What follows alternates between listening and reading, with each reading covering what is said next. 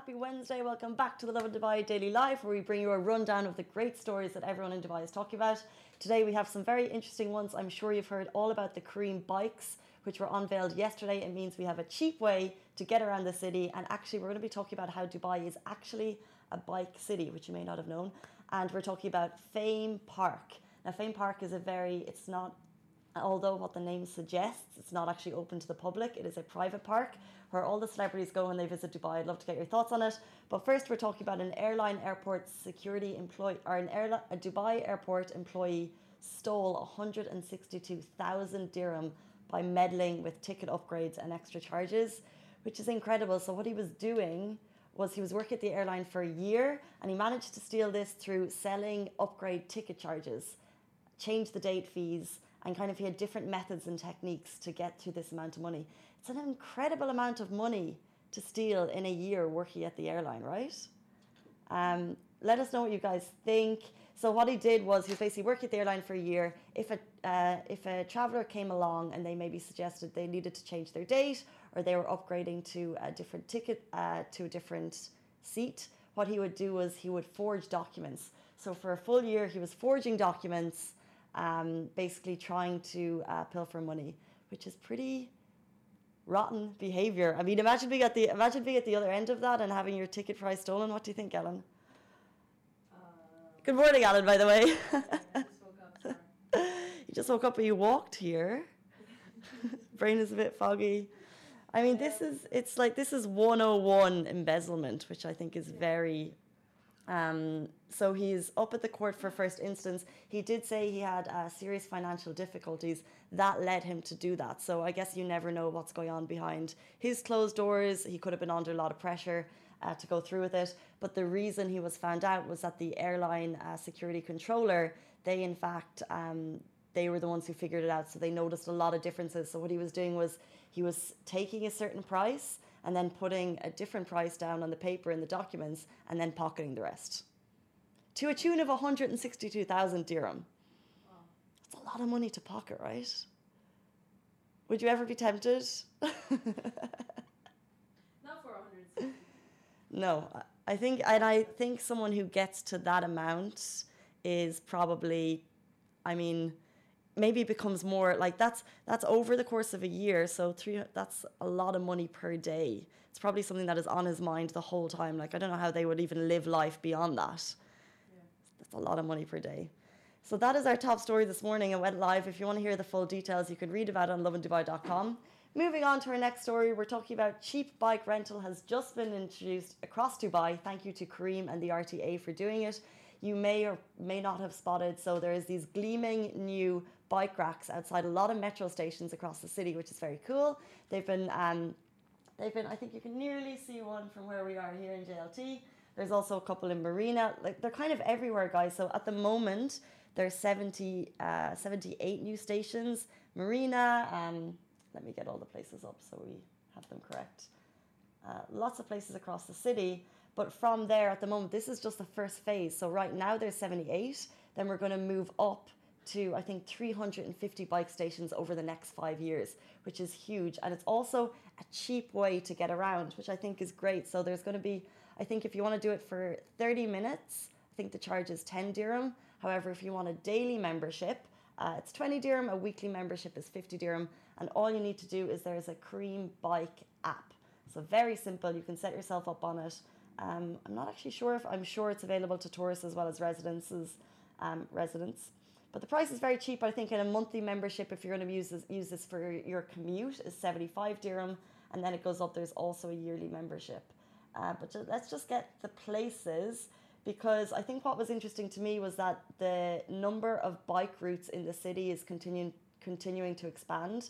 So in the last few years alone, the RTA has uh, they've put down 425 kilometers of cycling routes which I think is incredible. So if you're a cyclist, like we obviously know about Al Qudra, but all around the city, and they're aiming also to expand on that. So by 2023, there'll be 647 kilometers of cycling routes, so you can cycle across the city, and you can also pick up uh, your bike rentals.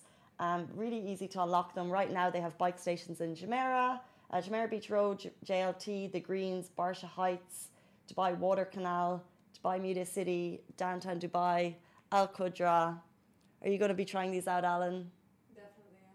Have you tried one out before in other cities? Because this is the thing, they're really popular elsewhere. I have in Abu Dhabi. They have them in Abu Dhabi. They have them in, but it's not Careem. It's uh, some uh, other uh, company, but they have them on the Corniche, Yeah. and um, it's basically, uh, if I remember, it's an hourly rate Yeah. Of uh, so t- 20 dirhams. You pay 20 dirhams, but every hour you have to come back to the station, lock the bike, retype the code, and pull it. out. Ah.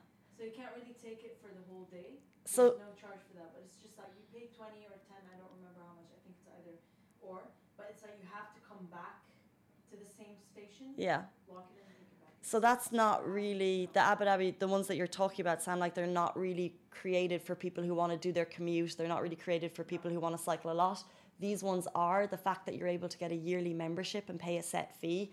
This will be so handy if you take the metro in the summer and you have a walk after that metro. These are just ideal as long as you have stations near you. I think it's fantastic. And the fact that Careem are kind of uh, promised that they're going to increase the bikes. So right now there's I think 780 and it's going to go up to 3,500 in a couple of years. So we, we yeah, it's very smart. We are a biking city. I just I'd imagine if imagine how cool it'd be if they were Lovin Dubai branded. I just thought of that on the way to work. Or however you would brand them. If you could brand them in whatever way you would like, I just thought Lovin Dubai branding would be cool. Um, but yeah, but that's all. Thanks to the RTA and Careem. Um, you can see the video here beside me of the unveil. And like I said, there's incredible biking networks and routes across Dubai. And also these bikes, like you were saying, uh, like Alan was saying, was that you had to bring them back in an hour. These actually have the latest technologies, GPS tracking. So if you've ever used bikes in another city and you you plan out your route to go back to a certain station and then it's full and then you're like what am i going to do with my bike these actually have latest technology apparently that you they'll be able to track kind of the high location spots and then you won't go back to that station which i think is brilliant so moving on to our final story i mentioned this at the start we're talking about fame uh, fame park in dubai first of all have you ever heard of fame park alan No. you, I had not heard of Fame Park either, but have you known, did you know that when celebrities come to Dubai, sometimes there's photos of them with exotic animals? Oh yeah, Yeah. I just thought it was like at someone's palace. So this is a private, fa- it's not a palace. Fame Park, this kind of came to our attention yesterday because I've seen people like Messi, Mariah Carey, Rita Ora, uh, only recently DJ Snake, um, Jesse Lingard, footballer. They go, you'll always, Jason Derulo, they're always, uh, whenever they come to Dubai, you'll see photos of them at this private animal park. Blac Chyna here beside me, she was there recently, only this week, guys. If you're a fan, she was in town. This is Fame Park. It's not open to the public. However, it seems to have kind of like a revolving door for celebrities. It's owned by Saif Belhasa, who is a businessman and local uh, Emirati entrepreneur in his own right. Saif Belhasa Holdings, guys, has 100,000 employees, so this isn't his only avenue for revenue. That's why probably he doesn't need to open it up to the public to charge. Um, but this is kind of the more, this is the, first time there's an Instagram account called Fame Park. It's got about 250k followers. Um, and it's been ongoing since 2019. But if you want to check it out, there it is, and you'll see all the celebrities. Um, I was going to say in their natural habitat. It's definitely not their natural habitat. Them taking photos of others rather than the other way around. Um, but you can see it, and uh, it's just always, uh, I think, interesting to see how and all they are of the animals. But if you've heard about this farm, let us know. We'd love to get your thoughts on it. Those are our top stories. We'll be back tomorrow morning with you, uh, same time, same place. And reminder if you listen to podcasts, we're always available on Anghami, Spotify, iTunes, wherever you listen to your podcasts. See you tomorrow. Bye. That is a wrap for the Lovin Dubai Daily Live. Remember, we are back with you same time, same place every morning. Do not forget, we also have Dubai Works Business Podcast, where Rich sits down with the business people of Dubai, so you can get more information about that. And of course, the Lovin Weekly Show, where Shireen and I chat to influencers and get to know a little bit more about them. Bye.